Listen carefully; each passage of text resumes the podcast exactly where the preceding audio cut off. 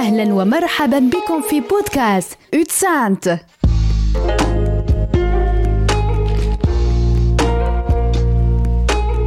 Konnichiwa, こんにちは、ポッドキャストウッセントへようこそ。 Du lytter til Utsendt, en podkast fra Misjonssambandet. Ja, Hjertelig velkommen til en ny episode av Utsendt. Og I dag så skal temaet være bibeloversettelse. Eh, Og For meg så sitter dagens gjest, Roar Løkjell. Velkommen hit, Roar. Takk for det. Men du, du er altså ansatt i Misjonssambandet, Ja. også i Wycliffe. Ja. Også, kan du bare Jeg kort kan- jeg kan- redegjøre litt for, for det? kan si det sånn at jeg er ansatt av NLM og, og lønna av NLM, og så er jeg lånt ut til Wycliffe bibeloversettere, Ja. som da igjen sender meg ut til en organisasjon som kalles for SIL International. ja. Eh, SIL og Wiklif er søsterorganisasjoner. Eh, Det blir nesten som NLM Norge og NLM Utland, Okay. bare at det er eh, organisert som to atskilte organisasjoner. Ja. Eh, og så tenkte jeg vi skulle gjøre det litt sånn kort nå, da. Eh, dette med eh, Vi kommer jo selvfølgelig masse tilbake til det, men litt sånn definisjon av bibeloversettelse. Kan du bare gi oss en sånn Ja, hva er det for noe? Ja, Det er aldri noen som har spurt meg om det før, hva er en definisjon på det, men, eh, men det er jo å oversette Bibelen. Eh, og, uh, og det er jo flott at Bibelen kan oversettes, i motsetning f.eks. til Koranen, da, som man tenker ut fra muslimsk sammenheng, Ja. som skal leses på arabisk. Ja. Uh, Det er ikke alle muslimer som er så nøye på det, kanskje, men, men i prinsippet så, er det, så tenker man sånn. Eh, Mens vi tenker at uh, Gud, altså ordet ble menneske, og, og det kan bli menneske inn i forskjellige kulturer. Så, så hvis vi hadde tenkt litt sånn som uh, i islam, så, så sku, da hadde vi kun hatt en bibel på hebraisk, på en Da, måte? ja, da måtte vi lært opp folk hebraisk Ja. og gresk. Sant. Ja. Det hadde tatt veldig lang tid. I hvert fall for min del. Det hadde tatt litt lang tid. Og så er det ikke sikkert at de hadde fått med seg så veldig mye av innholdet likevel. Nei, Nei. ikke sant. Men du, eh, veldig stas å ha en sånn eh, fagmann som du her, men hva er på en måte, hva er tittelen din? Altså, hva, hva, ja. Nei, jeg vet nesten ikke. Altså, det er litt, litt ymse, men jeg kaller meg gjerne ekseget. ja. Jeg kaller meg ikke bibeloversetter. Hvor- ofte så snakker han om, om eh, folk som reiser ut i bibeloversettelsesarbeid som bibeloversettere, men, men eh, normalt så oversetter ikke vi utlendinger Bibelen. Nei. Eh, Vi, vi er gjerne med i et team der nasjonale oversettere oversetter til sitt eget språk Ja. fra et annet språk som de kan lese Bibelen på. Ja. Eh, også er vi utlendinger med og kontrollerer i forhold til grunnteksten. Ofte så er vi med i litt opplæring i oversettelsesteknikk, og kanskje til og med i, i, i bibelkunnskap, hvis det er aktuelt. Eh, hos oss så, så bidro vi med, å, med litt opplæring i engelsk for at oversetterne skulle kunne bruke hjelpemidler da, til, til å forstå bibelteksten bedre. Så Men ja, Dette her er veldig interessant, men, men hvis vi nå går på en måte Men bare så kort, hva er utdannelsen din? Det er i utgangspunktet teologi. Teolog, ja. Ja. Mm. Og så har jeg tatt litt språkfag, mm. litt vel lingvistikk. ja. Jeg vil ikke kunne kalle meg lingvist her i Norge, men, eh, men eh, innen, innen SIL Wickliff så jobber man mye med lingvistikk. Du er på en måte litt over gjennomsnittet glad i språk og grammatikk. Jeg har blitt det. Ja, okay. Ja, Ja. Jeg var ikke noe glad i det før. Eh, Språkfag var det, de dårligste fagene mine på ungdomsskolen og, og på gymnaset. Ja. Ja, jeg likte det ikke i det hele tatt. Men etter at jeg begynte å, å peile meg inn på bibeloversetting, så fikk det en helt annen kontekst. Da kom det, ble det en del av det å skulle forstå en annen kultur. Det å, det å komme inn i tankegangen til en annen kultur, også via eh, kurser i, i Wycliffe så fikk vi en del nye innfallsvinkler på hvordan en kan lære språk, som jeg syns var mye, mye mer spennende enn det vi gjorde på skolen. Ja, Det er ofte sånn, men det gir jo håp da for mange som Ja, på en måte syns ja, at språk er vanskelig. Ja. Absolutt. Ja. Eh, det, det, noe av problemet med, med undervisning i fremmedspråk har vært da, Nå, nå kan godt hende at det har forandra seg en del, eh, pedagogikken, men det har jo vært basert på studiet av døde språk. Ja. Eh, At man pugger bøyningsmønstre og litt sånne ting. da. Det, det har vært veldig prega av det. Man studerte latin og gresk sant, i gamle dager. Og så har han overført mye av metodikken av det inn på læring av levende språk også. I mye av, av vestlig utdanning da, har vært. Nå har de sikkert uh, sikkert forbedra det en god del, men, men, men vi fikk en mye mer spennende innfallsvinkler til språk, språklæring i, i Wiklif sine kurs, da, som vi måtte ta før vi dro ut i, i bibeloversetting. Ja, stilig. Du, eh, holdt på å si virkelig og på en måte litt sånn eh, status for verden i dag. Jeg vet ikke om du kan gi oss noen tall på ja, hvor, hvor står vi her nå? For jeg regner vel med at det er nok noen språk igjen før på en måte man For, for målet må vel være å gi alle folkeslag eller folkegrupper Bibel på sitt eget språk. Ja, sånn eh, Oi sann, nå sparker jeg til. Ja. Eh, ja, eh, i utgangspunktet så er det det. Eh, jeg, skal, jeg skal modifisere akkurat det litt etterpå. Ja. Men, men så, vidt, så vidt jeg husker, så er det noe over 7000 språk i verden. Regner, totalt. Totalt regner en med. Da. Det Ja. kommer jo litt an på hvordan en deler inn. ikke sant? Eh, hvis, hvis Norge, Sverige, Danmark hadde vært ett land, Skandinavia, så hadde den kanskje regna det som ett språk, kanskje. Okay. Eh, og det, så, så det er litt sånn forskjellige kriterier. Ikke sant? En, kunne kanskje, en kunne nok regne norsk og svensk som dialekter av samme språk, hvis en går ut ifra hvor, hvor forskjellige de er fra hverandre. Men nå er det to land, ikke sant? Så da, så, og en definerer det som to språk. Eh, så kan det være noen ganger at eh, det som man eh, politisk definerer som ett språk, eh, vil lingvister gå inn og si her, de, her er dialektene så forskjellige at eh, jeg tror vi regner dette som to språk. Ja. ja. Men, men har, du, har du noe tall på hvor mange språk som står igjen å oversette? Ja, altså vi kan jo, altså Nå har ikke jeg det i hodet, men uh, på Wiklif sin eh, nettside Ja. så, så har de litt informasjon om det. Vi kan jo gå inn Ja, og så Gå gjerne inn og så ja. gi oss noen ferske tall, eller om de, jeg vet ikke om de er ferske, men Jeg var inne og kikka på det for ikke så lenge siden, men eh, jeg har det ikke helt i hodet her. Så, Mm. men det er en veldig, de, har, eh, de har en uh, statistikk da, som de driver og oppdaterer. uh, For det forandrer seg jo stadig vekk. Er, forresten, er Wycliffe på en måte den største bibel... eh, Hva, hva, hva er det for noe? Bibeloversettelsesorganisasjon i verden, på en måte? Eller? Ja, Ja. eh, Det, tror jeg, det tror jeg kanskje en kan si. altså Bibelselskapet er jo også veldig stort. Ja. Det er jo selvstendige organisasjoner i hvert land, men så er Ja. det United Bible Societies sant, som en paraply på, på alt det. De er også veldig store. Men jeg, jeg tror kanskje det er SCL Wycliffe som, som er inne i aller fleste prosjekter, oversettelsesprosjekter. Men en prøver å samarbeide med så mange som mulig. Sant. Så mange, mange steder så samarbeider de med, med bibel, lokal bibelselskap, mm. andre og mindre organisasjoner som også fokuserer på bibeloversettelse. Så, det, så det er eh, du kan si en eh, det er jo en fin ting, da, at, eh, at en ikke tenker Det, det har jo blitt en trend i dag at, at en Ok, eh, vi samarbeider hvis vi, hvis vi kan. Både misjonsorganisasjoner ofte, og, og, og ikke minst bibeloversettere. da.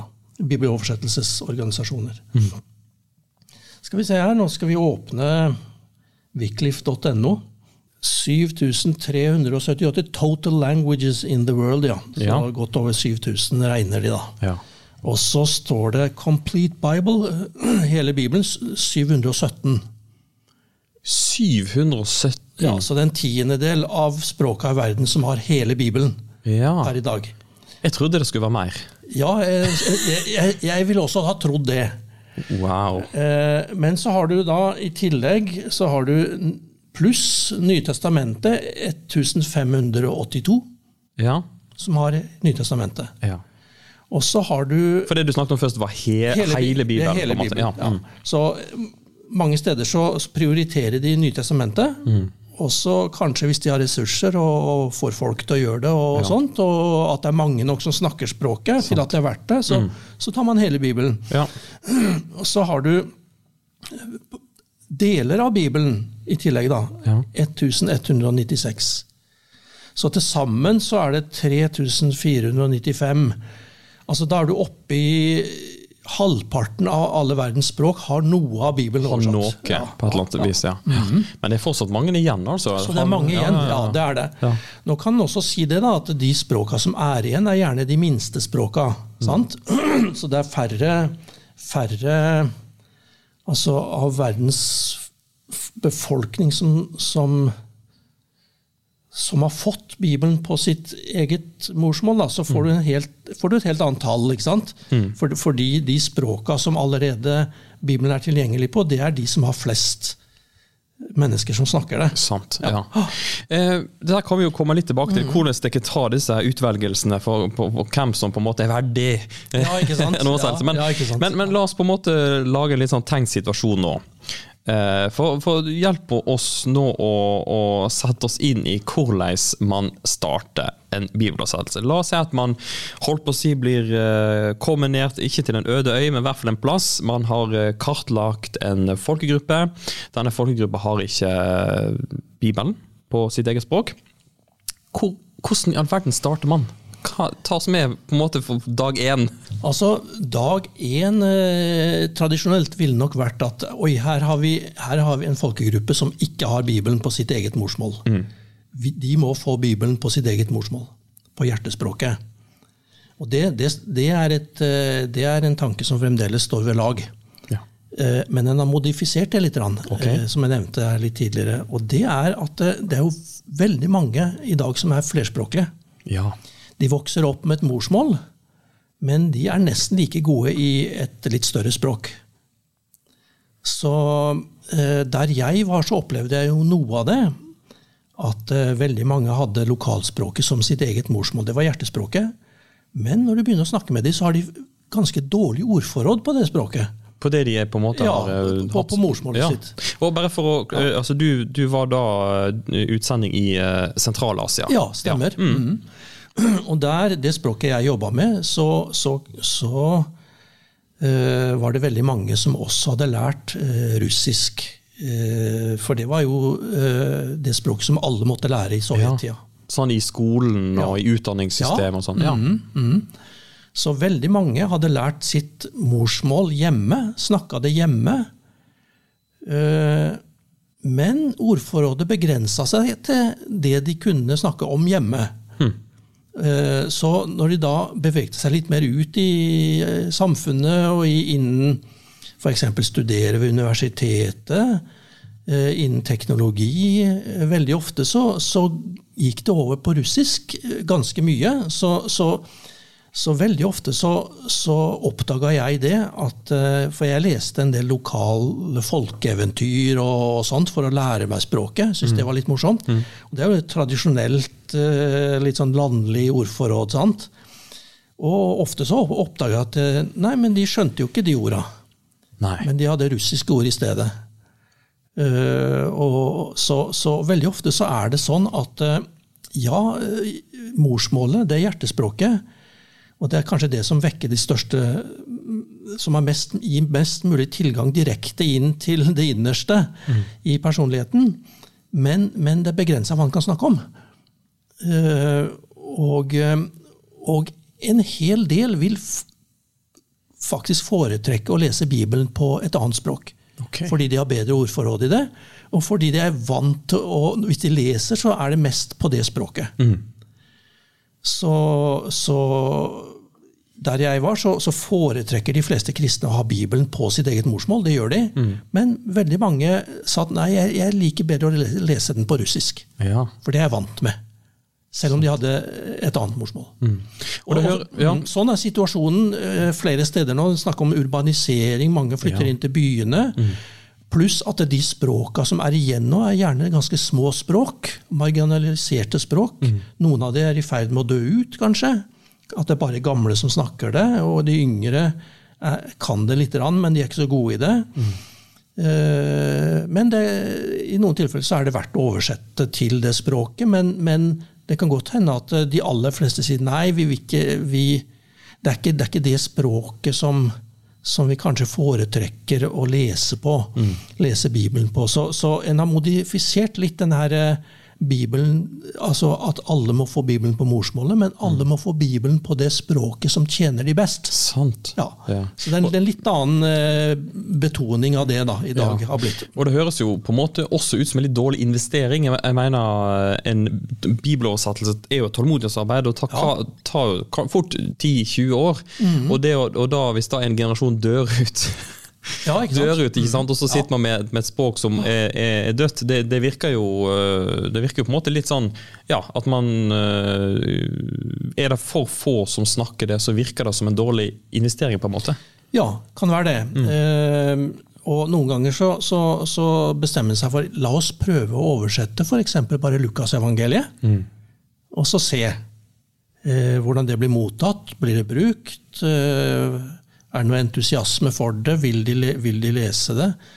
Eh, skjønner de unge det? Er det bare de gamle som får noe særlig ut av det? Og så videre. da hender det at en sier at ok, vi, det, det, var, det var bra at vi gjorde det, at vi oversatte et evangelium.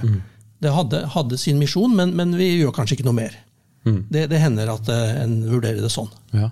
Og så tar man vel hvis da, Dette er jo tenkt tilfelle, men hvis da språket dør ut, Ja. eh, så har man jo da på en måte forvart det, eller man har tatt vare på noe, no, altså et språks altså Det kan være en egenverdi. Ja, Så- absolutt. absolutt. Eh, en liten kuriositet når det gjelder det, da. Ja. Eh, det er jo eh, en del av, av den germanske språkfamilien da, som døde ut etter hvert. Eh, Den østgermanske, gotisk. Ja. Det er det jo ingen som snakker lenger.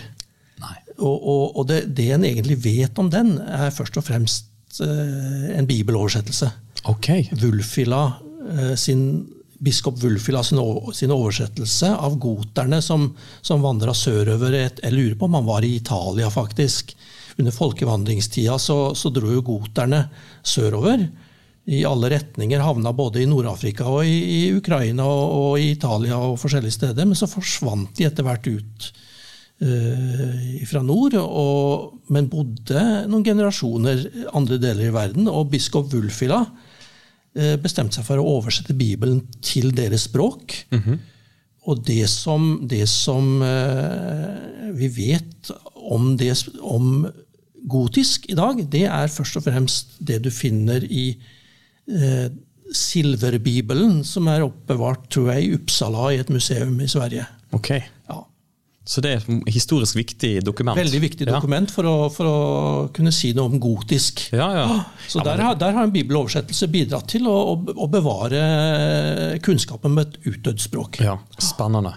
Men, men la oss gå litt, litt grann tilbake igjen til på en måte holdt på å si, vår tenkte situasjon med at du nå eh, lander en plass der det ikke er eh, holdt på å si, eh, Folk har ikke eh, Bibelen på sitt eget språk. Eh, og da, da snakket du litt om at ja, man må vurdere om man kan ta det på et annet språk enn morsmålet. Men ok, og så da? Hva, hvor, hvor, hvor går du videre derfra? Jo, la oss si at vi sier at jo da, disse her eh, bruker jo morsmålet sitt i dagligtale og, og sånt, og, og kanskje de vil lese Bibelen på litt, litt forskjellig, noen ganger på morsmålet, noen ganger på et annet språk. Eh, og vi vet jo det at selv om de kanskje ikke har Kanskje i den, i den litt større akademiske, teknologiske delen av virkeligheten så bruker de et annet språk, så er likevel morsmålet det som taler sterkest til, til, til hjertet. Eh, og, og, så, så da kan det være vel verdt å gjøre det likevel. Eh, og vi har flere vitnesbyrd på det. da. Uh, det var, jeg hørte om en, en tatar en gang. Et, Tatarstan er jo en egen republikk i, eller eget fylke, eller hva man skal si, provins i Russland. Oh, ja, ja. Og det er, Er det der tartarbiffen kommer fra? Ja, det, det, vet, det kan godt hende. Det vet jeg ikke. Jeg har aldri spurt de. Aldri fått det servert der. Men, okay. men, men, men de, er, de er ganske russifiserte. Ja. Men så veldig mange er mye bedre i russisk enn i, i tatar. Men det var en tatar som, som, som hørte Han leste i Bibelen på russisk, og det var lest om den, den eh, Jeg husker ikke om det var Den fortapte sønn eller, eller, eh, eller noe. Jeg tror det var det. Og, og han leste dette her på russisk, og så ja da, han skjønte det veldig godt, men så, leste, så fikk han hørt det på tatar, som han ikke skjønte så veldig godt. Men, men, men så kom det til en setning mi, mi, mi, Min sønn, Olum, min sønn, på tatar. Og da begynte han å gråte. Ja, så da, det, det, det, det, var det som trigga liksom kontakt med hans innerste.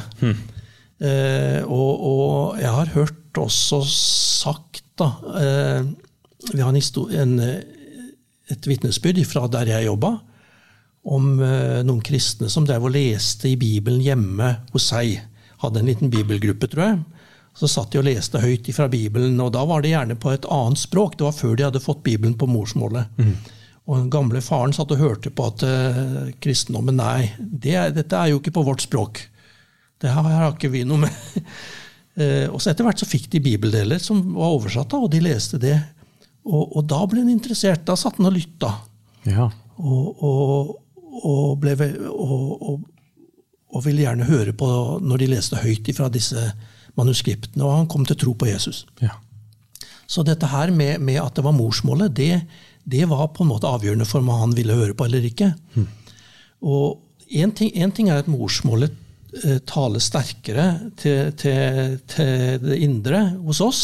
En annen ting er at eh, morsmål, hvis det er på morsmålet, så oppleves det også mer som, som ens eget. Altså språk, språk, religion, kultur er ofte så sammenvevd at uh, alt, det der har, alt det der er identitetsmarkører. Vet du, både språk og religion. og det, det er en del av det man er. Ja.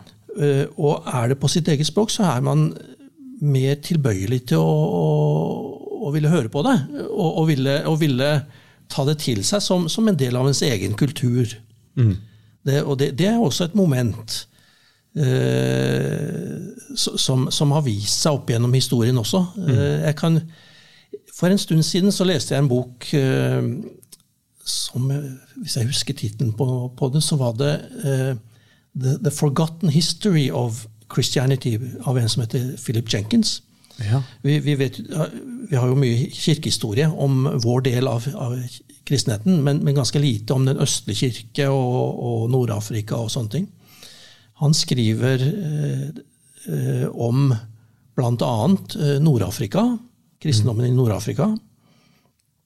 Eh, der eh, Tunisia, Algerie, eh, var et område med mange kristne på, på August, Sankt Augustins tid. Han var biskop i Hippo, tror jeg, i Nord-Afrika.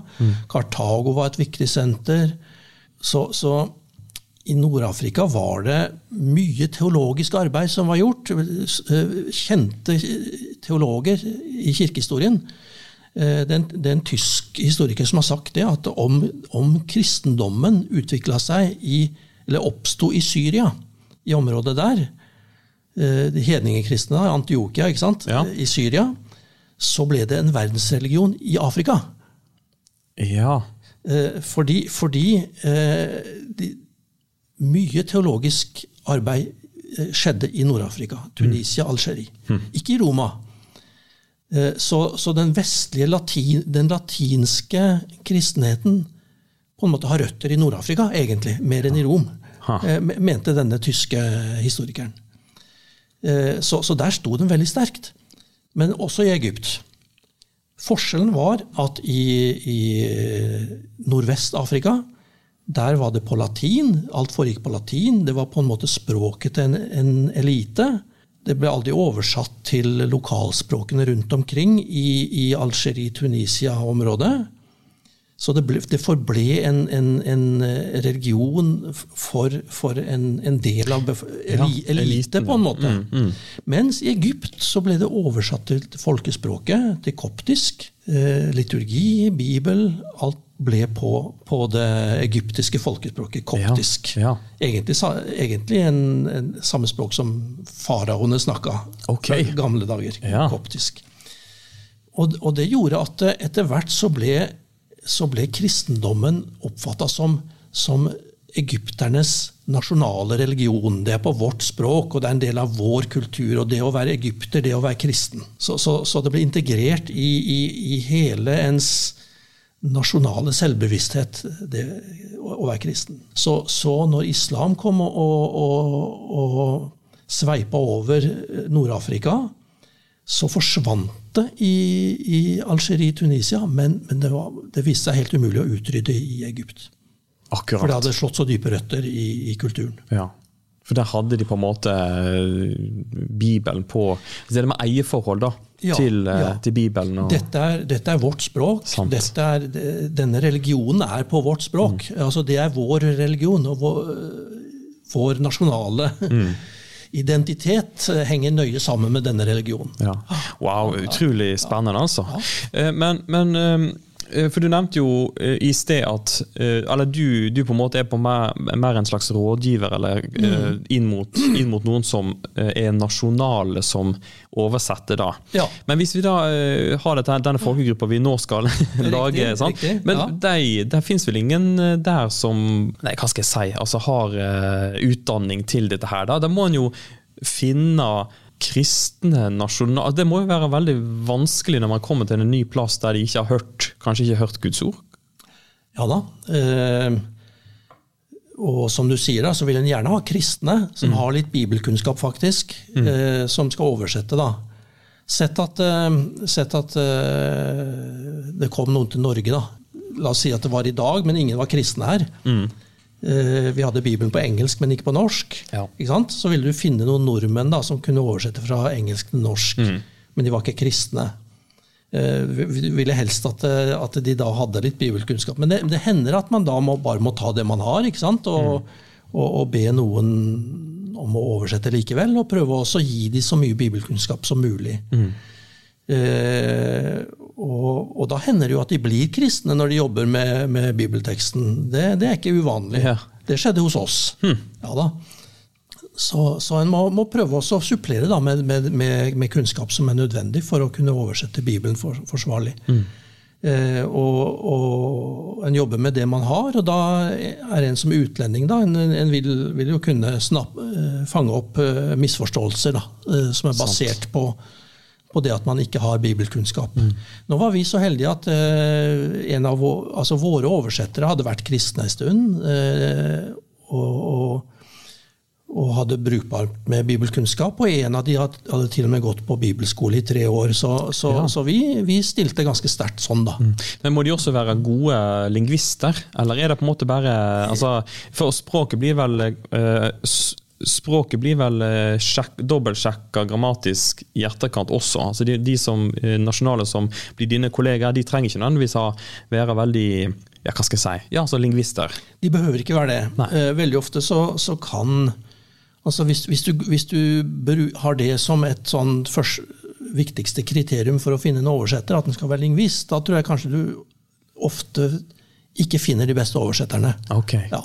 Så, så vi gjorde jo litt den feilen først, da. At vi, vi, vi, vi, begyn- vi satsa for, på for høyt nivå. Eh, professor. Ok. Eh, det, vi fant ut etter hvert det var bedre å ha en, en nokså vanlig person som hadde Ja. god, god språkfølelse i sitt eget språk. Ja. Eh, så, og da, da får du gjerne en oversettelse som, og et språkbruk som, som de fleste skjønner og kan relatere seg til. Sant, akkurat det. På en måte ha finne mer av mann i gata Ja. som, som, som på en måte har disse vanlige Ja. hverdagsuttrykkene. Ja, eh, Eh, veldig spennende, altså. Eh, men jeg tenker liksom sånn, hvor begynner en? For at eh, for, altså Hele Bibelen er jo viktig.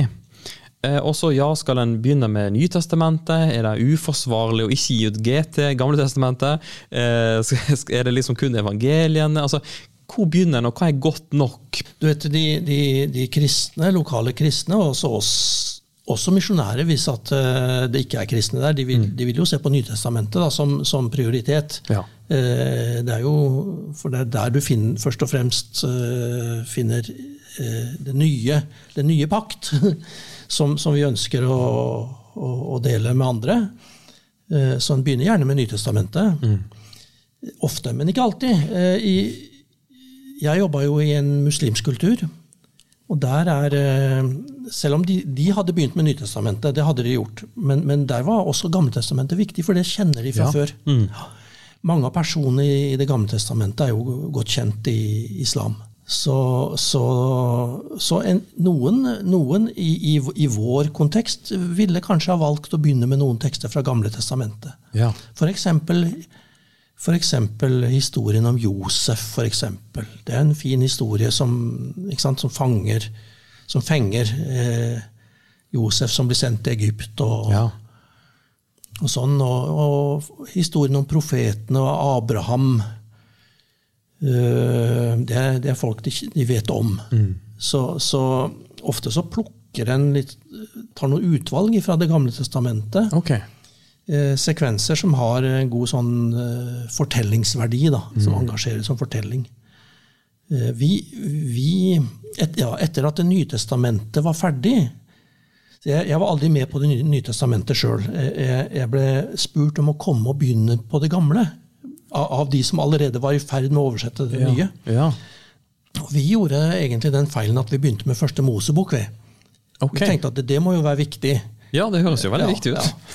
Eh, og de lokale kristne syntes også det var viktig. da Vi ville ha med skapelsen og liksom hele det der. Eh, men men eh, vi ble fortalt sånn i etterkant av de som hadde litt mer erfaring, da, at det, det hadde vært lurere å begynne med Ruths bok, f.eks. Okay. Eller Esters bok. Eh, Ja, hvorfor det? Jonah. Ja. Fordi det er enkle, enkle fine fortellinger. Ah, Og korte. sant. Og ikke så vanskelige. Mm.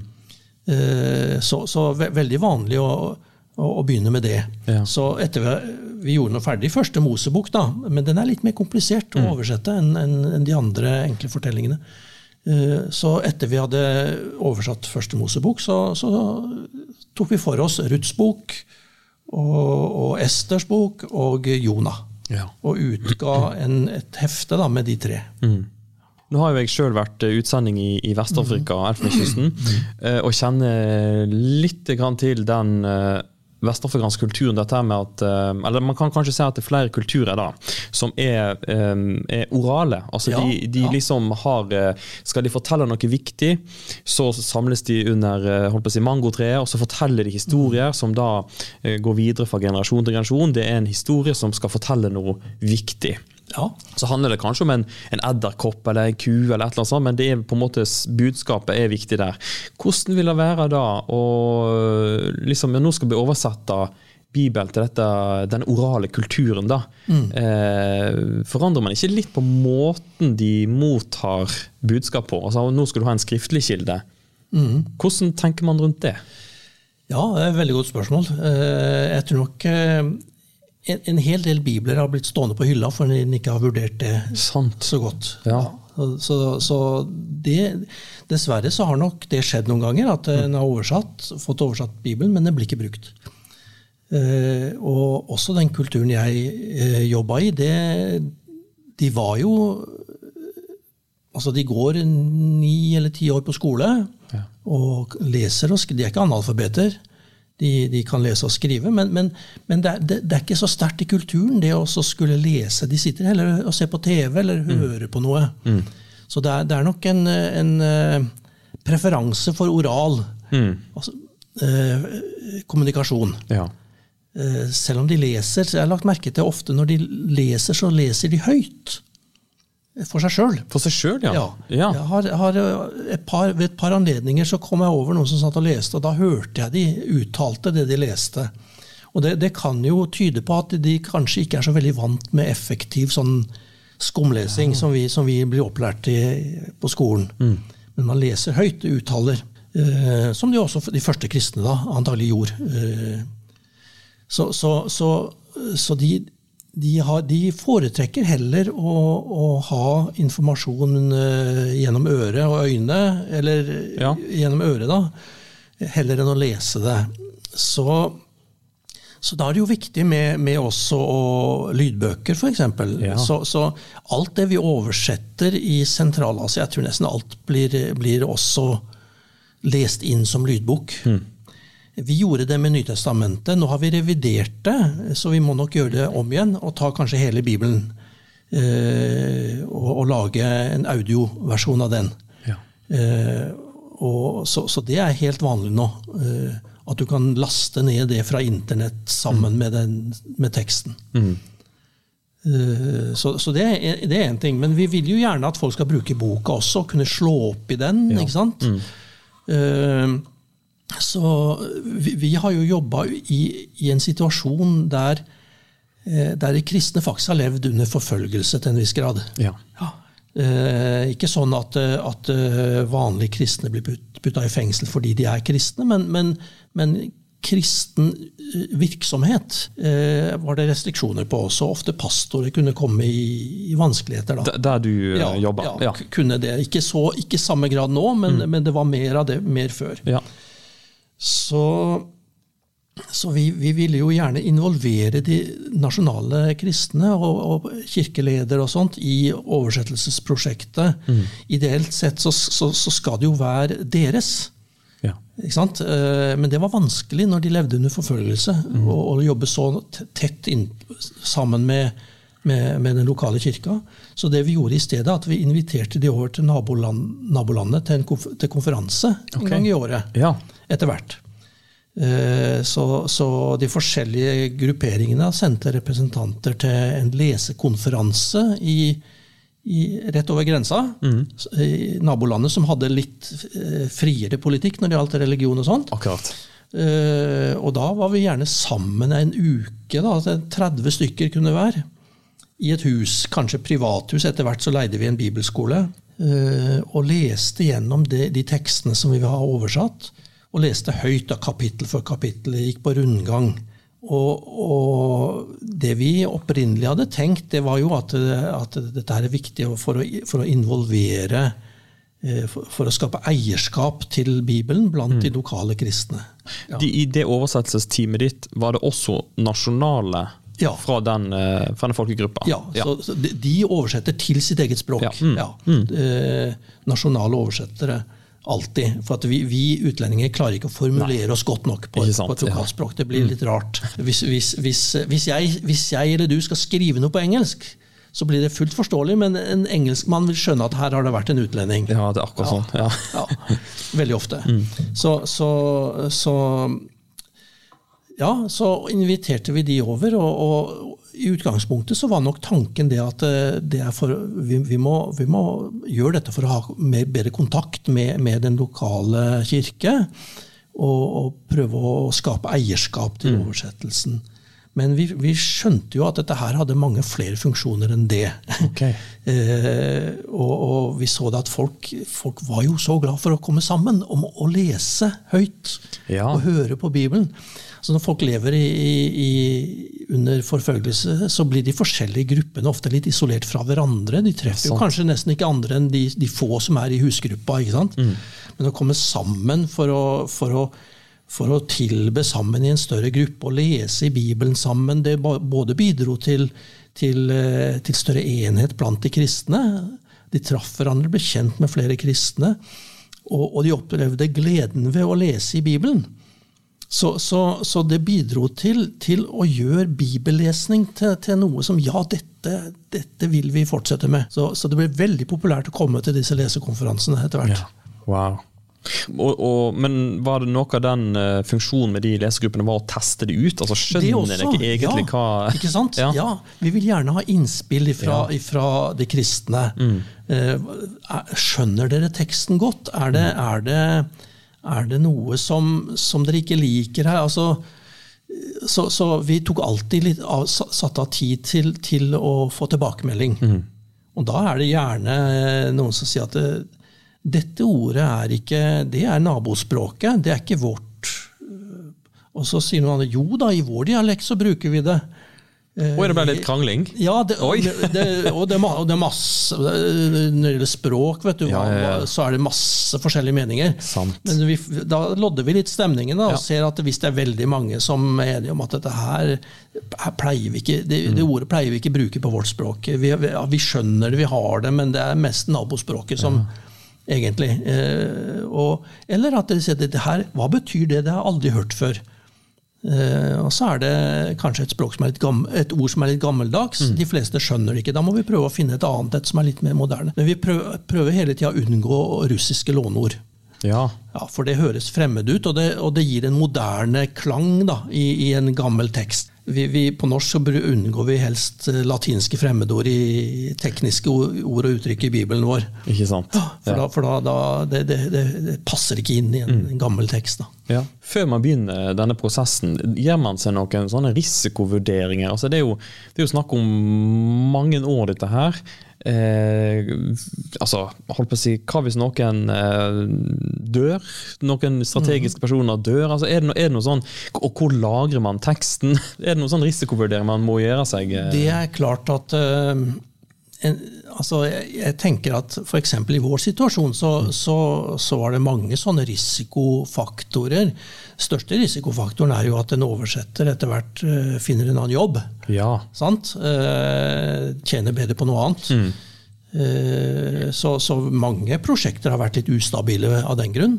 Og det hender også at ut, utlendingen som kommer, ikke takler ikke sant? Ja. Det, det, er mange som har reist ut og funnet ut at dette her var ikke noe for meg. Så, så, så, så man skriver, men skriver man en kontrakt, på en måte? Nå skal du eh, bli med her? Ja, man burde nei. kanskje gjort det? eller? ja, eh, nei, en tar det litt sånn etter hvert. ja. en gjør det. Så En skriver en kontrakt, men det går ikke på at du binder deg til å jobbe i så og så mange år. altså Det er Nei. ikke det. Eh, Men vi, vi, vi, har vært, vi var heldige sånn, eller heldige og heldige da, i Guds rike. Det, kan jo, det er kanskje ikke det riktige ord, men, men jeg, jeg tror jeg, altså, Vi har hatt lite problemer. eh, Mye mindre enn det, enn det vi kunne forvente. Vi har hatt veldig trofaste oversettere som har vært med hele veien. Ja. Dette med økonomi.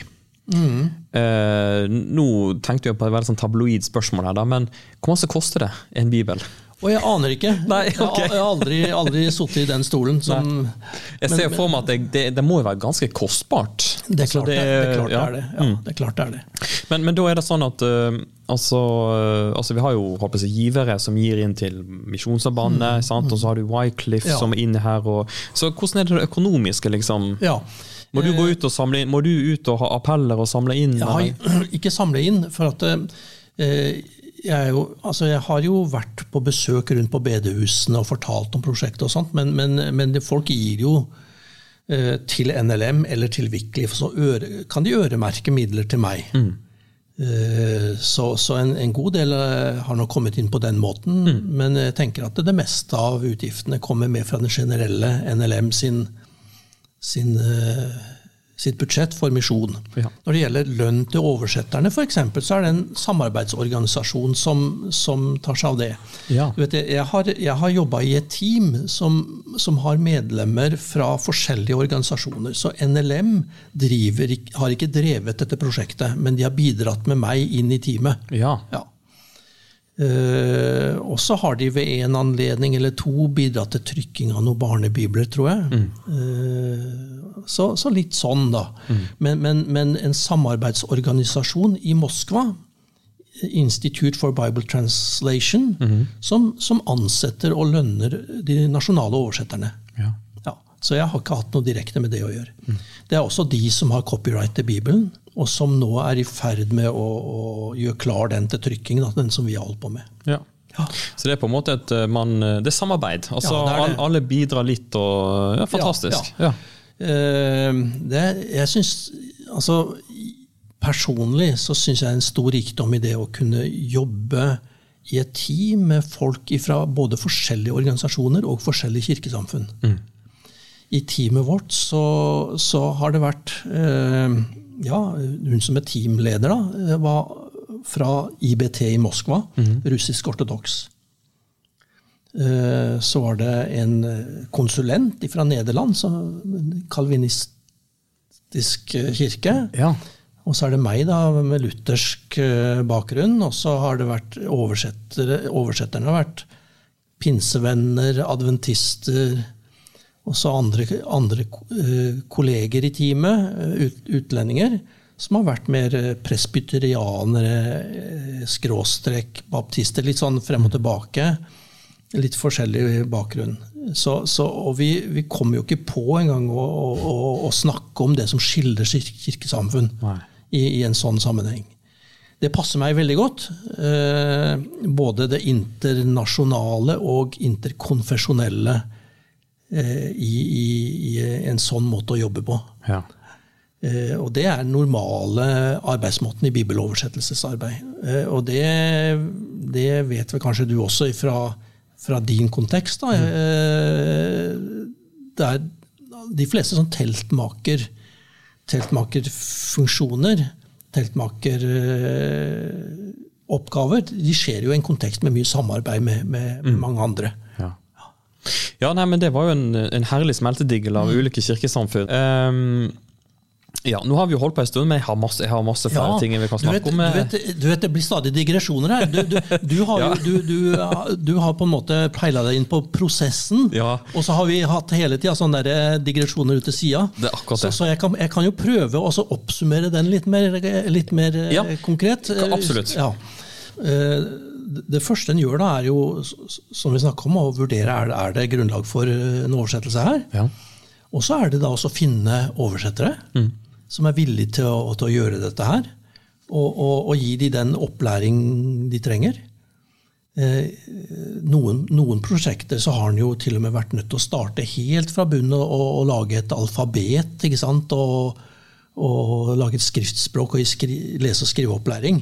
Det har ikke vi vært nødt til å gjøre. Eh, det, det, dette språket som jeg jobba med, det, var, det har vært eh, skrevet og lest i flere generasjoner. Eh, så, så vi For meg så var det også å finne, finne oversettere. Gi dem den opplæringen de trengte, og så begynne å komme i gang med å oversette. Og det de da gjerne gjør, er at de, de lager et utkast. Oversetter da f.eks. fra russisk til sitt eget morsmål. Vi oversatte fra tyrkisk, fordi, fordi det, det var et beslekta språk Ja. med, med vårt språk. Når du sier vårt språk, så det, det er det Det er det vi, det vi oversatte Ja. til. Mm. Ja, ja. Eh, Da, da er det lettere for oversetteren å få et naturlig setningsbygning. Oversette fra et språk med samme struktur. Eh, Og da, gjerne førsteutkastet, så, så, så nå var, vi, var det to oversettere. Så gir de hverandre førsteutkastet og gir litt tilbakemelding til hverandre på det. Sånn første, sånn første revisjon. Og så sender de da manuskriptet til meg, som leser igjennom det, sammenligner med grunnteksten. For da må du også kunne det lokale Ja. språket, du, da? Så da i mellomtida har jeg da måttet Ja. lære det Ja. eh, godt nok til at jeg kan lese og forstå det. Mm. Eh, så da sammenligner jeg det med grunnteksten, og prøver å, å se om det er nøyaktig. Er det, er det ting de har misforstått, f.eks., eller, eller ting som jeg syns blir upresist? Eh, og, og, og ting jeg kan se for meg kanskje ikke kommer godt nok fram i en oversettelse fra en oversettelse. Og, og gir tilbakemelding på det, og så diskuterer vi litt frem og tilbake og kommer fram til et kompromiss. ja. Eller kommer fram til en tekst som både er naturlig og, og godt forståelig, og som er nøyaktig i forhold til grunnteksten innholdsmessig.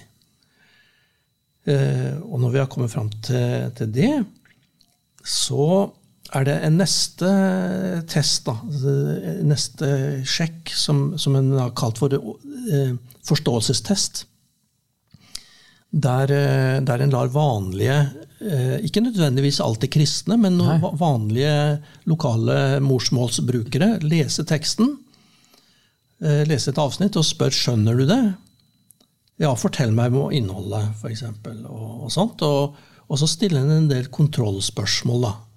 Om, og da kan en fange opp ting som blir misforstått. ja. Og, og, og, og du hører også på når de leser det, om de, om de stotrer mye og, sånt, om teksten er lett å lese. Eh, hvis, de, hvis en, en person Hvis det hakker mye i måten han leser på, så kan det tyde på at eh, her er det litt tungt språk, eller at her har vi et lite problem. Mm. så, så på den måten så kan en, kan en finne svakheter i teksten så, som en da må, må rette på. Og så eh, Neste skritt, da siste skritt før teksten er klar til utgivelse, det er at eh, eh, vi kommer sammen til teammøte. Vi har en konsulent utenfra som har erfaring også fra andre oversettelsesprosjekter. Eh, vår konsulent i, i, i, i vårt prosjekt hun, hun hadde erfaring fra den nederlandske bibeloversettelsen, var med på den. ja. Eh, og hun var konsulent for flere forskjellige prosjekter og reiste rundt. Hun kunne også russisk, så hun, Hun var sammen med oss i teammøtene og fikk teksten tilbakeoversatt til russisk, som hun hørte på, Ja. og kunne fange opp ting. Og, og kunne stille strategiske spørsmål da, til den teksten, og se, og se om den var eh, eh, faglig god nok. Så selv om vi utlendinger i teamet, vi eksegeter, vi, vi, eh, vi kontrollerer innholdet, så er det likevel en faglig overordna som har det øverste ansvaret, Akkurat. og som kan si at ok, dette her er, her er bra, dette her kan dere utgi. Og så går teksten til, til utgiveren til korrekturlesing og, og, og setter opp sidene og sånt. Eh, layout og, og sånne ting, som også må da kontrolleres av av oversetterne. Da går det, går det på, på trykkfeil og, og sånne ting. Det holder vi på med nå. Ja. Sideoppsett, eh, avstand mellom ord og sånt, at det, det ser greit ut på sida. Ja. Det er de opptatt med nå, da, i vår oversettelse. De nærmer seg nok slutten. Og håper at vi kan trykke det i år. Yes, altså. Og da er det, hvor, er det hele Det er hele, hele Bibelen. Wow, Ja, ja. det er jo kjempestort. Ja. I mellomtida så, så har hele Bibelen vært lagt ut på nett til, okay. til nedlasting på app. Ja, wow. Det var det i, i 2019, mai. Da var hele Bibelen tilgjengelig på, i digital form. Kunne lastes ned på app på mobiltelefon. Det var jo veldig bra rett før pandemien. Altså, Det var godt eh, planlagt. Ja, eh, ja ikke sant? Ja. Og, og, og det, det er jo en, en fantastisk ting da, med, med den teknologien nå. altså i, i, eh, i lukkede land er veldig vanskelig for å lukke ute eh, internett. Internett, ja. ja, Mm. ja. Ja. Wow, spennende. Eh, ja, men det var en grei, eh, en kortere gjennomgang av, av prosessen, da. Eh, men jeg har lyst, nå lyst til å snakke litt grann om, eh, om ting som er utfordrende da, i en oversettelsessammenheng. Fordi at altså, Bibeloversettelse det er, jo, det er jo interkulturell kommunikasjon. altså Man har et konsept som man på en eller annen måte skal overføre til et annet språk. Og da lurer jeg på det må jo gå noe galt av og til. Og jeg tenker, hva hvis ord i Bibelen ikke eksisterer på det språket man skal oversette til? Altså, hvor store friheter kan man ta? Eh, jeg vet ikke om jeg har noe sånn, Du har sikkert eksempler, men, men jeg husker jo øh, Jeg snakket en gang med noen eritreere som fortalte det at de, de, i Bibelen så står det om at eh, nå, nå bare tar jeg det etter minne- minnet mitt her, altså, men dette med at det skal ikke være noe skygge noe sted. ikke sant? Men så levde de et sted i Eritrea hvor det var så mye sol at skygge var jo det, det viktigste de hadde. Så da, da var det liksom mot sin hensikt det å skulle reklamere for, for, for en himmel uten skygge. Nei, men altså, hva, hva gjør en når, når ting kolliderer litt med den virkelighetsoppfattelsen eh, på en måte den nye folkegruppa har, hvis ikke det er ord som fins? Ja. Nå har vi hatt lite problem med det, egentlig. Ok. Ehm, altså det blir jo f.eks. av og til sagt at eh, den og den folke... Altså, de har ikke et ord for nåde, f.eks. Ok, og det er jo veldig viktig ja, i, i, i en kristen sammenheng. Ofte så, ofte så er det sagt det i, i, forskjellige kulturer. Ikke? Man har Ja. ikke et ord for nåde. Eh, nei, tenker jeg. Uh, så, men så, så når jeg tenker dette, så har Gamle testamentet et ord for nåde, egentlig. Eh, og, og Vi tenker ofte nåde. Da tenker vi luthersk rosiniansk forståelse av nåde. ikke sant? Nei, du finner ikke det i Gamle testamentet. Eh, Du finner, du finner et ord 'hen', eksempel, som betyr å ha godvilje for, synes godt om. sant? Og så får det en betydning litt, litt ut ifra hvilken kontekst det brukes i. Og så har det i løpet av kirkehistorien fått en litt annen betydning i, i vår, vårt kirkespråk enn det kanskje opprinnelig hadde i, i Gamle testamentet. Så, så, det, så, så en del av disse orda, når du går tilbake i, i, i Bibelen, så kan de ha en litt annen betydning enn veldig mange kristne egentlig tror de har. Ester fant nåde for alles øyne som så henne. ikke sant?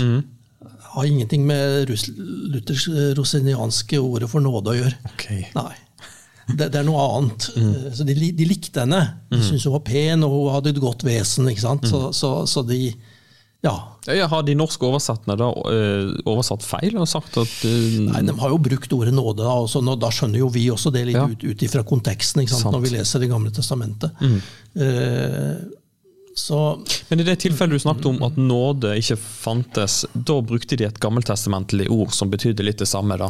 Ja, så de har en del ord som, som, som, som ligner veldig som, som kommer nært opp til Det gamle testamentet. Men Var det fordi de ikke hadde ordet, eller hadde ikke de konseptet nåde? Altså tilgivelse? Jo, de har nok eh, Jo, det har de.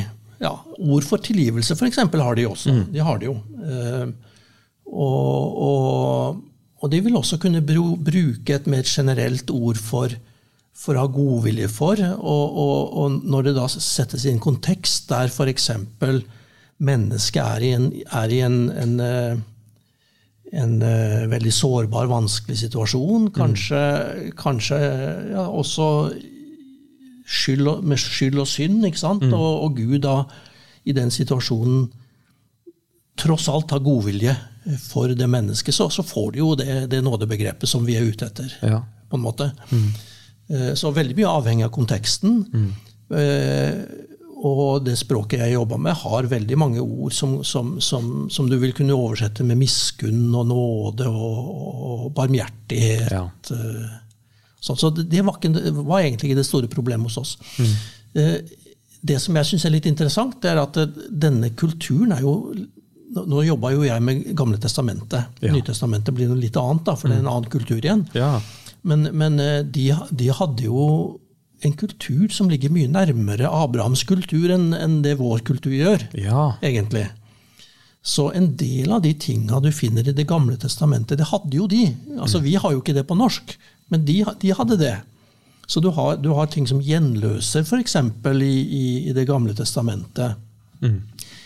Det, når, når du så det, det, det er et spesielt ord som, som betyr eh, en, en person, en slektning, som har som plikt å redde deg ut av en vanskelig situasjon. Kjøpe deg fri hvis du blir slave, betale gjelda di hvis du kommer i gjeld, kjøpe tilbake jorda inn til slekta. En del sånne ting. Der har, har eh, Gammeltestamentet et helt spesielt ord for akkurat den personen og den funksjonen. Okay. Det har ikke vi. Så vi har, vi har jo på norsk oversatt det veldig generelt med gjenløser. Ja. Uh, som, som er greit nok, eh, og vi skjønner ut, av, ut fra konteksten. Men de har et veldig presist ord for at de har samme, de har samme funksjon i sin kultur. Ja. Men hva med, med um, Jeg leste vel en plass, men dette her med hvis, hvis man har et ord i Bibelen som man skal oversette, da, så faktisk de som da De lokale da har as, dårlige assosiasjoner med. altså Det kan Ja. være Det var noe i en sånn asiatisk setting, men det var noe med, med at bønn at det ses på som noe trolldom eh, Ja. eller noe meditativt. Sånn. Da, hvordan, for da, Ja, da, hvor, hvor har du hørt det, forresten? jeg, jeg har det i notatene mine. Ja. Men, men, eh, men For, for, for det er tilfellet det er tilfellet hos oss. ja. Ja. Oh, ja, i eh, Ja, ok. Så, så, så det var litt interessant du nevnte det. At, at det kanskje også i flere andre Ja, jeg tror dette her var i forbindelse med noe sånn uh, asiatisk meditativ Ja, okay, greie. Men, Men ja. men ja, forklar. Hva, hva gjør Vi- For da er det jo ikke ordet som er problemet, da er det jo faktisk betydningen også, Ja. på en måte. det er assosiasjoner med det som, mm. som, som, kan, som kan være litt uh, la oss si hedenske. Da. Ja. Eh, jo, eh, på, på det språket vi jobba med, så var det mye diskusjon om ordet for bønn. Altså. Det var det. Ja. For eh, ordet doa eh, det, Jeg lurer på om det er arabisk, egentlig. Å, å gjøre doa, det, det, er, det er å be. ja. Men eh, i mer sånn folkelig islam Ja. så har, har det blitt rett og slett å, å utøve trolldom. Trolldom, ja. Ja. Så, så, så der var det mange som, som forbandt det litt med, med de, gjøre magi, eller å, å eh, Altså, du, du, du, du leser du, du, du uttaler noe magiske ord ikke sant, som skal få, få noe til å skje, eller noe sånt. Eh, Så, så, så en del var kritiske til å bruke det ordet, men mange sa at nei da. Vi, det opprinnelig i, i Opprinnelig i islam så er det å be til Gud. Det, det er doa. Så, så, Så da sto en i det og på en måte oversatte det med bønn. ja, vi, gjorde, vi Ja. brukte det. Ja. Vi brukte det likevel, for de fleste gikk inn for at det, vi har, det er ikke noe annet. Og, og det er det, den, den, den, de, de, som har, de som ikke er for for, eh, for, blitt for eh, villeda av mer folkelig islam. Da. Ja. De, de, de vet det, at dette her egentlig betyr bønn. Ja. Sant. Ja, ja nei, men interessant, altså. Og, Mm. og, og, og vi har ikke noe annet godt alternativ, så la oss bare bruke det. Og i vår setting, i vår kirke, sånn som vi bruker det, så, så, så kommer det inn i en kontekst der det blir riktig forstått etter hvert likevel. Ja. ja. Nei, men, det er jo, men jeg ser jo for meg at det kan sikkert finnes andre ord og uttrykk som man rett og slett har problemer med å selge Ja, inn, ja. fordi at de har så dårlige assosiasjoner med det. Og, Absolutt, og kanskje har de, har, de har brutt med det også, Ja og vil på en måte ikke vedkjennes det lenger. Så, så, en liten case fra Elfenbenskysten som jeg kjenner Mhm. litt til. da. Eh, Så har vi jo en av våre oversettere der, en utsending som heter Olav Brennsæter. Han nevnte jo dette her med at For det er jo da Mao-språket mm. de oversetter til. Eh, Og han nevnte jo det eh, Og det var jo da eh, Bibelens eh, setning om troens og kjærlighetens brynje. Ja. Og det hadde de store problemer med, for brynje fantes jo ikke i Mao-språket. da. Nei, akkurat. Eh, og det Ja, og brynje er jo på en måte en jern... eh, Altså noe som skal beskytte det. da. Og de hadde jo da eh, rett og slett eh, funnet ut et eget ord. Laget et eget ord. Jern, et eller annet sånt Nei, hvordan var det? De hadde forhørt seg med de eldste. Og spurt har dere noe som ligner på dette her. Og da hadde de ja, vi har noe som er en, et klesplagg med noe speil på. Ja. Og så, så, så ser jeg for meg at de tenkte oh, ja, men da kan vi bruke det, da. Men Mhm. så viser det seg at den klesplagget blir brukt av én for å beskytte alle. Så det var jo da trolldom Ja, in, involvert. Da. Så da, da ble jo det uaktuelt å bruke. Ja, ja. Eh, så, men de, de lagde da et eget ord eh, som da eh, de fant ut skulle hete jernklær. Ja. Og det, jernklær finnes jo ikke på Mao, men, men man skjønner hva jern og hva klær er. Ja. her må en jo selvfølgelig bare teste med folk, Mm. og liksom Skjønner du det? Og, for det er jo helt håpløst å komme med et, et ord som folk ikke skjønner. Altså brynje. Hva i Ja. all verden er det for noe? Veldig spennende. Så, så det var stadig ord som ble mye diskutert, altså, mm. om vi kunne bruke det eller finne et annet ord, for folk skjø skjønner det ikke. Ja. Ofte, ofte var det et dilemma at de, jo, vi har det på vårt språk. Eh, De som kommer fra landsbygda, de skjønner det, men i byen så skjønner de det ikke. Sant. Litt sånn, da. Ja. Og snø, liksom. altså, nei, altså snø. Snø det står jo om ja. Går det bra? Ja, eh, de, ja altså eh, de, det, det, det hender at det snør der. Ja. Ja, det gjør det. Det blir ikke liggende noe lenge, da. Men jo da, så snø var greit nok der. Eh, en annen ting er at eh, dette her er jo eh, folk som vokser opp med TV, og de vet jo om utenverdenen. ikke sant? Så du, behøver, ikke, du behøver ikke oversette en, behøver ikke oversette kamel med Eller en behøver ikke oversette med noe helt annet. Nei. Altså, jeg hørte jo om, om noen oppe i Sibir som, som, som skulle oversette kamel, og det, de fant på noe veldig rart, tror jeg, for, for, å, for å få til det. Ja, for, ja, for, jeg, for jeg tenker ofte, Kanskje tenker man nå i eller litt sånn at man tenker å, man skal oversette Bibelen. Da er det til en stamme inne i Amazonas som Ja. ikke er i kontakt med verden. Ja, men men stor, folk er jo på en måte oppdatert, og de har internett og TV. Så, så det er klart at man, man må ikke undervurdere folk heller. Nei, ikke sant. Ja, sant? Så, så, så, en, en, en driver ikke med vi, vi, vi, Og vi prøvde også vi prøvde også å unngå å, å gjøre eh, kult, den kulturen i Bibelen, enten den var i Gamletestamentet eller i Nytestamentet, vi prøvde å unngå å gjøre det til en lokal sentralasiatisk kultur. Sant. Ikke sant? For, for, for det var ikke der det skjedde. Eh, De, de må kunne skjønne det og identifisere seg med det, men, men, men eh, de, de gjenstandene som de hadde, som de hadde i, i Israel, de erstatter vi ikke med ting som de hadde i Sentral-Asia. Det gjorde vi ikke. Eh, Nå var det som sagt mye som, som vi hadde ord for, som ikke vi har på norsk. Et, et veldig interessant opp, eh, ting som jeg, jeg synes var veldig morsomt. Jeg drev og og kontrollerte første Mosebok, og, og det var det kapittel 15, tror jeg. Der eh, Gud gjør en pakt med Abraham. Ja. Uh, og der står det om at uh, Abraham delte noen dyr i to. Ja. Uh, og, og så kom det mørke over der, og, og, og det viste seg en tror det står en luende ild og en rykende ovn som gikk mellom okay. kjøttstykkene. Ja. Og det som står da i Gammeltestamentet det, for ovn, det var en tanur. eh, og tandyr, og tandori, vet du, har de mange Det, det er samme ordet. Eh, tandori chicken Ja, eh, indisk. Kjenner, Kjenner vi Ja, ja, eh, på norsk. Og Tandori-ovn det er en sånn leirovn. Sant? Og Det har de i Sentral-Asia også. Eh, og Det er samme ordet som er brukt i Det gamle testamentet, og, og refererer til den type leirovn. ja. Så der hadde de eh, veldig dagligdags gjenstand som, som, eh, som, som vi på norsk må bare oversette med ovn. Ja. Generelt uttrykk, for vi har ikke akkurat det. Sant. Men det hadde de. Det syns jeg var litt morsomt. Ja, absolutt. Du, jeg har med meg noen, noen bibler her, i, i, her foran meg. Eh, og eh, ja, jeg bare tenkte jeg skulle bare vise dem for dere. Det er synd at ikke lytterne kan få forstå dette. Det var en, en utgave jeg fikk, uh, fikk tak i. Uh, Det var en som jobba i Nord-Afrika, en bibeloversetter. Ja. Eh, Og han, og det var jo en arabisk kultur. Eh, og hvis jeg skal prøve å beskrive hvordan denne ser ut, for det er hvordan den ser ut som jeg syns er veldig fin, da. Ja. Det er da en, en grønn, grønn bok med gullskrift, La Bonne nouvelle. Ja. Eh, og så er det masse fine ornamenter rundt.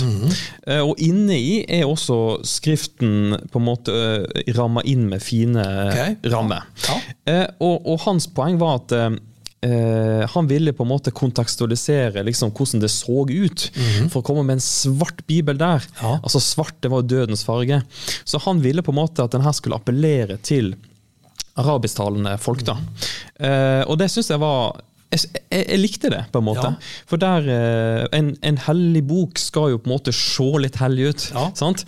Eh, så den, den, den syns jeg var veldig sånn fin, da. Ja. For det er jo ordet som er viktig. Men, men den ser jo veldig flott ut. Ja. Jeg vil si Den er veldig gjenkjennelig. Ja. Akkurat sånn ser alle bibler i Sentral-Asia ut. Ok! det var så bra.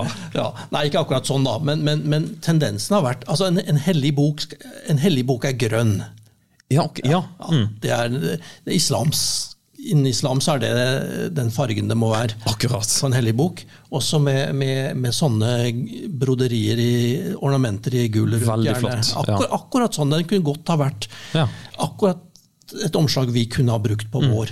Eh, Nytestamentet ser nesten akkurat sånn ut Ja, stilig. hos oss. Eh, Men etter hvert da, så, så, så kom de til at nei, vi, vi kan jo bruke litt andre farger òg. så, Ja. så, så Bibelen er planlagt å være litt mer som burgunder. eh, Ja, ja. Men, men det, det kan også være sånn at, at man skiller seg ikke sånn ut hvis man sitter med en bok som ligner litt Det blir kanskje litt Ja. søkt, men, men, men uh, den ser i hvert fall ut som noe som en, en, en religiøs person ville ha lest i, Ja, i disse absolutt. kulturene. Mm. absolutt. Og jeg, jeg tror det er veldig altså det, det, det, det signaliserer at dette er en bok som, som du som muslim godt kan lese. Mm. Det er en hellig bok for deg. Ja, ja.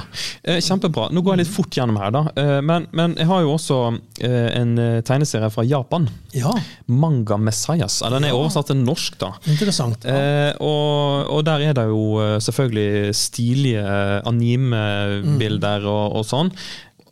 Ja, det er vel på om det er Nytest, eller det er vel evangeliet eller noe sånt. Jeg vet ikke hvor om det er på en måte fritt oversatt. Men, men en annen bok som også her, som jeg også er glad i, det er en barnebibel som jeg fikk i min dåp. Eh, og der står jo faktisk forfatteren Anne de Vri, Vries. Ja. Så der, er det jo ikke, der skjuler de jo ikke at her er det jo ikke akkurat ja, Der er det en annen forfatter. Men, men den, den husker jeg leste mange ganger. Og, og da må jeg bare spørre deg, når man ser på denne mangabibelen og denne barnebibelen Er dette Bibelen? Det er jo på en måte kutta og gjort veldig kontekstualisert for barn, og tatt vekk eh, ting og tang. Hva, hva, hva tenker vi om det? da? Hvor, hvor, hvor- hvor masse kan en få lov til å kutte vekk og allikevel kalle det for en bibel, hvis du skjønner? Nei, eh, altså det kan du si, Barnebibelen det er jo på en måte eh, hos oss da anerkjent at eh, ja, vi vet hva det er. altså Det er et utvalg. Okay. sant? Eh, I Sentral-Asia så var barnebibelen veldig populær. da. Mm. Eh, Trykt mye, distribuert mye, den, Ja. på flere språk. Den, det, faktisk så var det, Barnebibelen var jo oversatt før, eh, før eh, den vanlige Bibelen. da. For, til voksne også, eller? Ja, mange voksne som likte å Ja, lese for det er på en måte Ja. Mm. ja. Nei, men uh, interessant, det, altså. det er et fint utvalg av, av, av fortellinger fra Bibelen. vet du. Ja. Så det er kjempe, Ja. kjempemessig, det. Flott. Og så har jeg da en, eh, en eh, The African Bible. Ja, Og jeg har egentlig ikke helt skjønt hva er regner, men det er, det er i hvert fall en, en bibel som jeg kjøpte. Det er en studiebibel. Eh, som på en måte skal være til inspirasjon for folk med afrikansk bakgrunn. nettopp. Så, så teksten er nok, eh, den bibelske teksten er nok den samme, men det er masse fotnoter som sikkert Ja, relaterer ja. til, sånn afrikansk kultur, og løfter fram det afrikanske i Bibelen. da. Men jeg tenker liksom Altså man, man, eh, man, man har jo briller på når man leser. Alle har briller på, eller sånn billedlig talt, da. Sånn, og, og ulik styrke også, kanskje. Men også, også her har jeg en sånn såkalt fattigdomsbibel. Her har man da fokusert på rettferdighet og fattigdom, og man har merka de versene som handler om eh, rettferdighet. Så det er klart, det blir masse sånn bibler med masse sånn tilleggsting. Drukner budskap av og til i alt det her eh, som skal kontekstualiseres og gjøres forståelig for folk. Nei, altså der det er behov for det, og der det er nyttig, hvorfor ikke, tenker jeg. Ja. Eh, en, en interessant ting jeg ser i den bibelen, er The African Bible. Så, så illustrasjonen her Ja. eh, Det viser jo også at det er viktig å teste ting. da. Jeg har, har jo hørt om folkeslag som har, som har reagert på denne type tegninger. Ja, for her, her, er her, her, ser du sånne strektegninger. Vi, vi hadde jo det i, i, i en norsk utgave Ja. en gang. Og jeg syns jo de er fine, for de er litt sånn De, de har ikke ansikter. Sant, de er veldig nøytrale, på en Ja, måte. er Nøytrale. Strektegninger. Men, men du, du har ikke øyne og nese og munn på de. Ja. Eh, jeg jeg, jeg syns, syns det er veldig fint. Men, men jeg har hørt om folkegrupper som, som, som sa at nei, det kan vi ikke bruke. Dette her er jo, her er jo demoner og ånder. De har ikke, de har, det er spøkelser. Ja. Hvorfor har dere tegninger av spøkelser i ja. Interessant. Hvis de ikke har, hvis de ikke har øyne, øyne, munn og nese, så er det spøkelser. Ja. Ja. Så, så, så av og til så kan vi som utlendinger prøve å introdusere ting som ikke fungerer i, i kulturen. Ja. Så, så det må vi nå teste ut, da. Ja. Nei, Kjempespennende. og det er klart Vi kunne snakke mer om altså, Jesus-filmen. Den er også oversatt, og folk Ja, kommer til ja. tro på den. Sant? Men, så, nei, men eh, Ja, Jesusfilmen var kjempepopulær. I Sentral-Asia så er det så mange uh, jeg har hørt som har sagt at de ble kristne ved å se Jesusfilmen. ja. Og, og, og mine kolleger, da, for, mens jeg fremdeles drev og leste språk, så, så drev de og satte tekst til Jesus-filmen. Og da brukte de mye eh, oversettelsen av Nytestamentet da, til, til det. Ja. Nei, men uh, veldig, veldig interessant. Altså. Jeg, jeg syns jo dette her sånn jeg er jo veldig, Det er spennende med kultur. Det er veldig spennende med hvordan man, man ja, kontekstualiserer ting. og sånn. Så Det hadde vært interessant, eh, kanskje nå hvis vi går mot en avrunding, da, så, så må jeg jo på en måte spørre Hvorfor er bibeloversettelse så viktig? Og For deg er det jo selvsagt, og jeg også begynner jo å ane nå at dette er, er kanskje viktigere enn man egentlig tror. Og eh, for, Rett og slett fordi man er så vant med at ok, man har en bibel på sitt språk. Men en, en, når jeg fortalte en kollega at jeg skulle ha den uh, podkasten om bibeloversettelse, så, så oversendte han meg en, en, en eh, artikkel som var henta fra eh, professor Arne Retze Ja. sin avskjedsforelesning okay. på Fjellag internasjonale skole. Ja. Eh, og, og der sto det noe som jeg Å, det perspektivet har jeg på en måte ikke sett.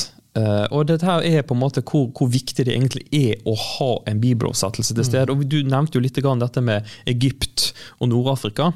Men, men, men han eh, han Professoren han uh, tok fram dette her eh, utsagnet fra Tertulian om at martyrenes blod er kirkens såkorn. Ja. Så stiller han spørsmålet er det, liksom, er det martyrene som skal få kirka til å vokse, eller er det bibeltekstene som eh, på en måte får det til å vokse? da?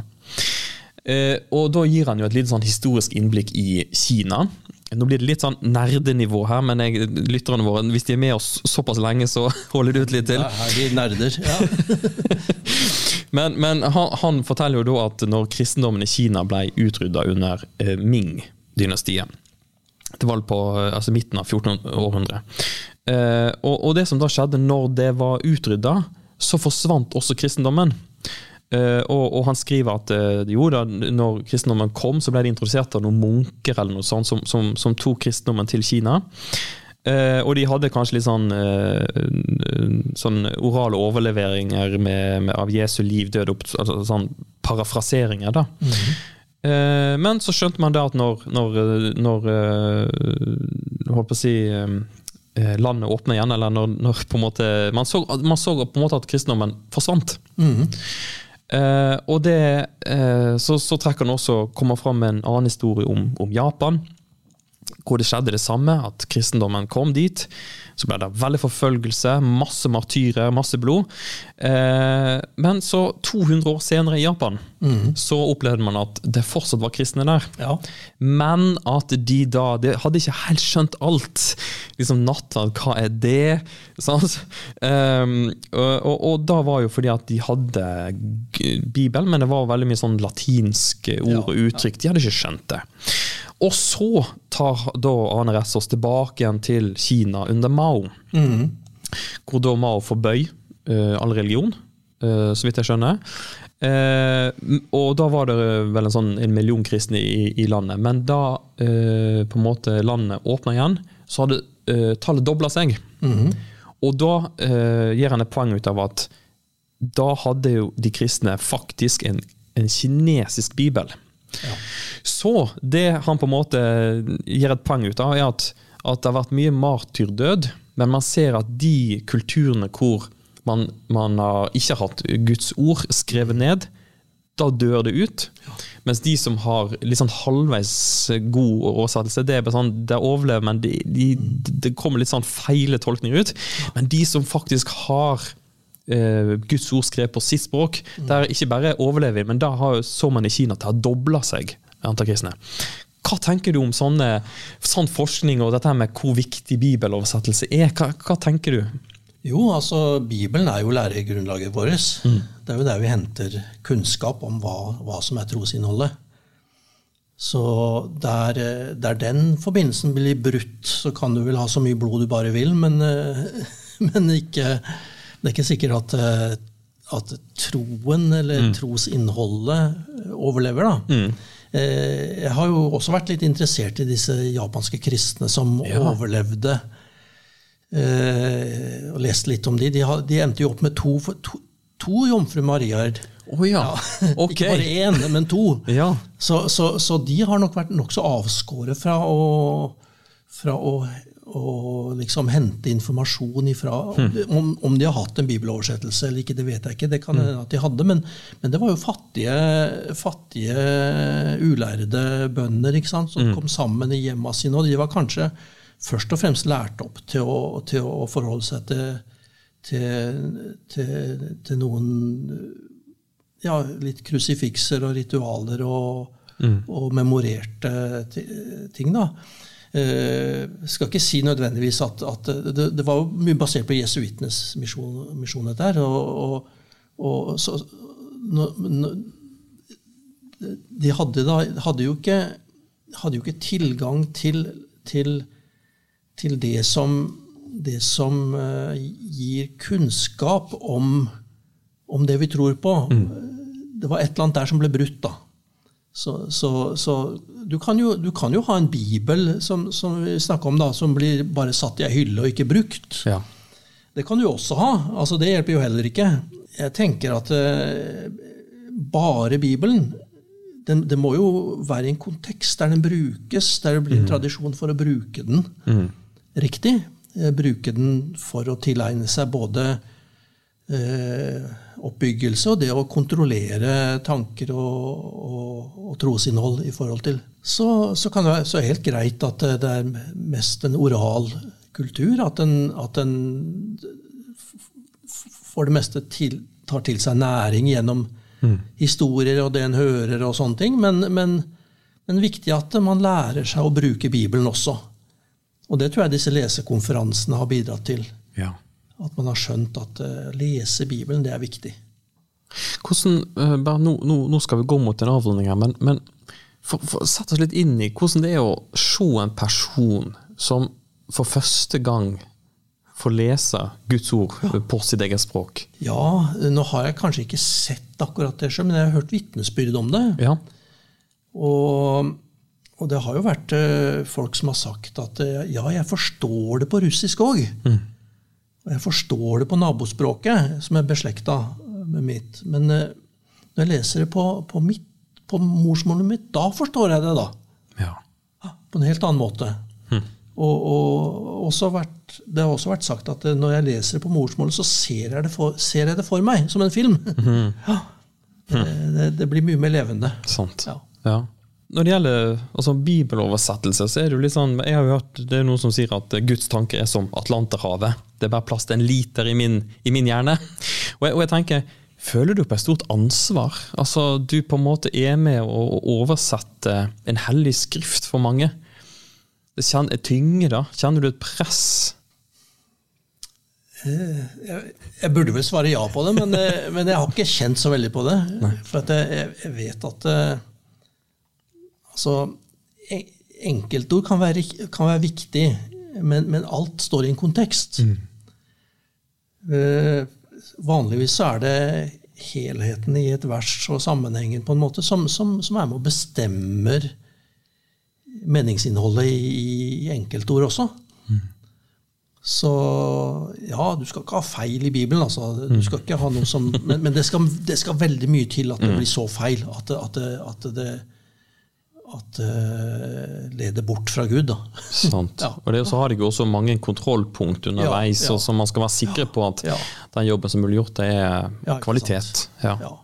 Jeg tenker jo på en måte at bibeloversettere er ja, det er, det er litt sånn stille helter, rett og slett. Altså, du har mange eh, utsendinger som, som på en måte er veldig synlige, og masse arbeid som er synlig, men, men det arbeidet som blir gjort med ja, de utallige timene man sitter bak en pult og er ute blant folk og snakker sånn, altså det er ja, jeg vil si at det er, det, er ganske, det er ganske stort, rett og slett, det arbeidet. Eh, Akkurat helt det har, har jeg vel aldri følt meg som, for at jeg har likt å holde på med det.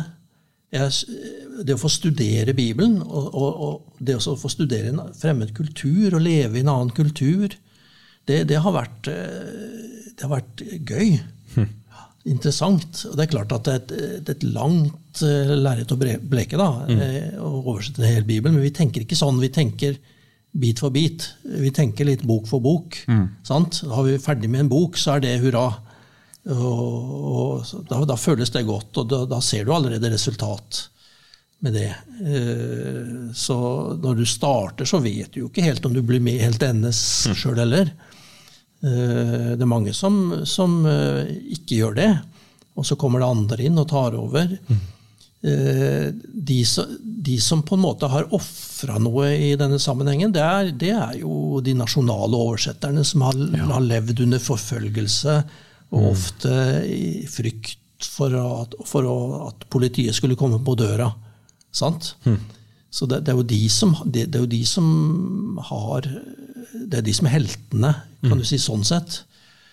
Eh, så så de, de, har, de, har nok, de har levd under psykisk press i mange år, og det, det må du nesten regne med at det setter sine spor. Wow. Så, så jeg håper jo at de blant, etter hvert da, eh, blant sine lokale kristne brødre og søstre, at de, de, de får den anerkjennelse som de fortjener. Selv om vi, vi ikke skal tenke for mye på fortjeneste i Guds rike, så, så ja, og det, det å bli verdsatt og, og, og, og omslutta av de andre kristne, som de til en viss grad kanskje har vært nødt til å, å, til å ha en viss distanse fra for å, for å, for å, for å kunne gjøre den jobben de har gjort. De, de tror ofte de har følt seg litt isolert. Ja, Det er sterkt å høre. altså. Fin måte å avslutte denne podkasten om Bibel og selv, og løfte fram disse lokale som, som ofrer ganske masse. Ja. Tusen takk, Roar, for en innsiktsfull og lærerik samtale. Jeg, jeg har lært mye. Takk for at jeg fikk komme. Det var bare hyggelig og morsomt. I redaksjonen har jeg også med meg Elise Haugland og Narve Jonas Nystøyl. Og mitt navn det er Leif Thomas Gjerde.